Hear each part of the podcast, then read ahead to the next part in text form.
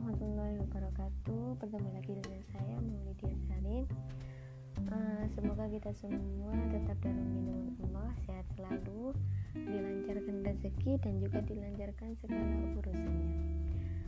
Hmm, Di dalam kesempatan podcast kali ini Saya ingin mengangkat tema dengan komunikasi di masa pandemi ini. Berbicara mengenai masalah tentunya kita akan berbicara tentang keseharian kita sehari-hari karena komunikasi merupakan keseharian kita yang tidak bisa dilepaskan dari rutinitas kita sehari-hari. Nah, dalam komunikasi di masa pandemi ini gimana sih dan apa bedanya komunikasi di masa pandemi ini daripada komunikasi kita yang kemarin-kemarin? Nah, sebelum masuk ke dalam model komunikasi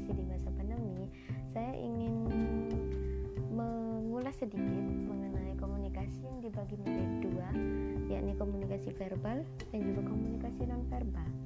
Komunikasi verbal yang mana ia biasanya komunikasi yang biasa me menghasilkan timbal balik bertatap muka biasanya dan juga komunikasi non verbal yang biasanya berupa tulisan, gambar atau bentuk-bentuk simbol-simbol simbol-simbol yang lainnya.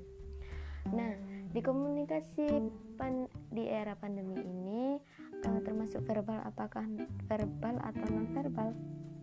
Di komunikasi di era pandemi ini uh, tentunya akan sangat berbeda dengan komunikasi di masa sebelum adanya pandemi ini. Tentunya komunikasi yang biasanya kita lakukan sehari-hari dengan bertatap muka, berdiskusi secara langsung, mm, mengadakan forum, tentunya tidak bisa dilakukan di dalam era pandemi ini. Karena di masa pandemi ini kita dianjurkan untuk menjaga jarak dan mm, mengurangi kontak sosial dengan orang lain.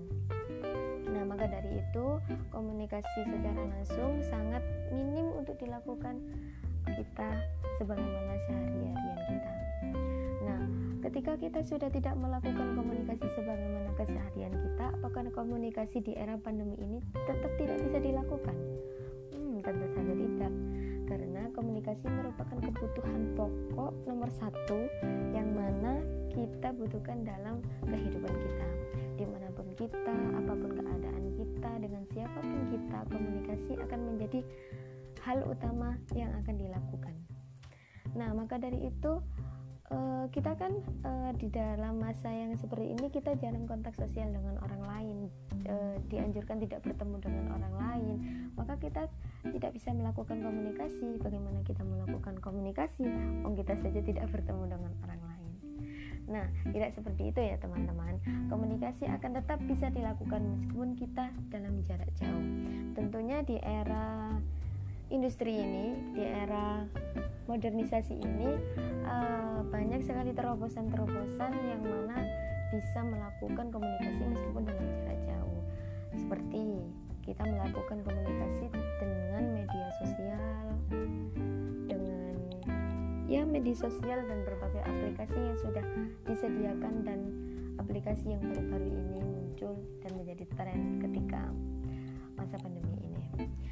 E, di masa pandemi ini tentunya karena komunikasinya tidak seperti biasanya, tidak e, kontak kontak fis, kontak kontak sosial seperti biasanya, maka komunikasi yang di, ditimbulkan juga menimbulkan um, keefektifan dan juga tidak keefektifan karena ya karena itu tadi komunikasi di era pandemi ini banyak banyak cenderung melakukan komunikasi yang bersifat nonverbal. Nonverbal kenapa? Karena kita tidak melakukan bertatap muka langsung. Ya meskipun kita um, mendapatkan interaksi meskipun secara tidak langsung dan melalui jarak jauh Nah, keefektifannya bagaimana? Keefektifan komunikasi di era pandemi ini kita tetap bisa berkomunikasi meskipun jarak jauh itu tadi.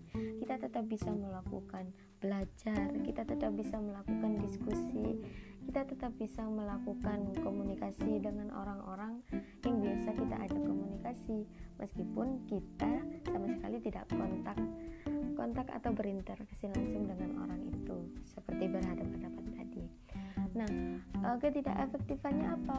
Komunikasi komunikasi di era pandemi ini cenderung menggunakan media sosial dan kita tahu sendiri media sosial itu adalah bergantung kepada koneksi internet atau kuota. Nah, di mana nanti ketika kita melakukan diskusi yang biasanya kita diskusi dihadapkan dengan banyak orang dan kita dengan mudahnya bisa mengangkat tangan dan juga saling menimpali antar pendapat e, teman kita atau orang lain yang berdiskusi dengan kita. Di era pandemi ini tentunya tidak seperti itu karena bisa jadi koneksi internet kita terputus di tengah-tengah jalan maka ketika kita menyampaikan pendapat atau menyenggah pendapat orang lain kita bisa terputus dari itu. Ketidakefektifan lagi ditemukan bagi siswa atau pelajar yang mereka mengganti uh, aktivitas aktivitas belajar mereka ke media online atau semuanya dilimpahkan kepada tugas. Nah, itu juga menjadikan ketidakefektifan karena tentunya akan sangat berbeda pemahaman mereka ketika mm, berinteraksi langsung dengan gurunya melalui bertatap muka dengan hanya dikirimkan segala video atau semacam daring pemahamannya akan sangat berbeda dan juga interaksinya akan sedikit lebih menurun. Nah, keefektifannya dan ketidakefektifannya seperti itu. Tapi, apakah di era pandemi ini sangat menghalangi kita untuk tidak melakukan komunikasi? Tentunya tidak. Kita sebagai makhluk sosial yang selalu membutuhkan orang lain dan membutuhkan interaksi serta komunikasi dengan orang lain, kita harus pintar-pintar memilah-milah bagaimana cara memanfaatkan keadaan yang seperti ini sekiranya agar kegiatan kita tetap berjalan seperti biasanya. Sudah banyak sekali aplikasi-aplikasi yang sudah disediakan di Play Store untuk kita tetap bisa bertatap muka walaupun hanya dibatasi dengan layar. Nah, hal itu tetap bisa menjadikan kita komunikasi teman-teman. Jadi tidak perlu khawatir meskipun komunikasi tergalang, terhalang dengan masa pandemi ini, kita tetap bisa melakukan komunikasi ya meskipun dengan catatan ketidakefektifan itu tadi. Tapi tidak menghalangi kita toh e, di antara ketidak ketidakefektifan itu tadi kan tidak semua e, media sosial me, melakukan ketidakefektifan itu. Banyak juga hal-hal positif yang bisa kita temukan di dalam komunikasi di era pandemi ini seperti itu mungkin dari saya podcast dari saya. Dan stay healthy and stay at home. Assalamualaikum warahmatullahi wabarakatuh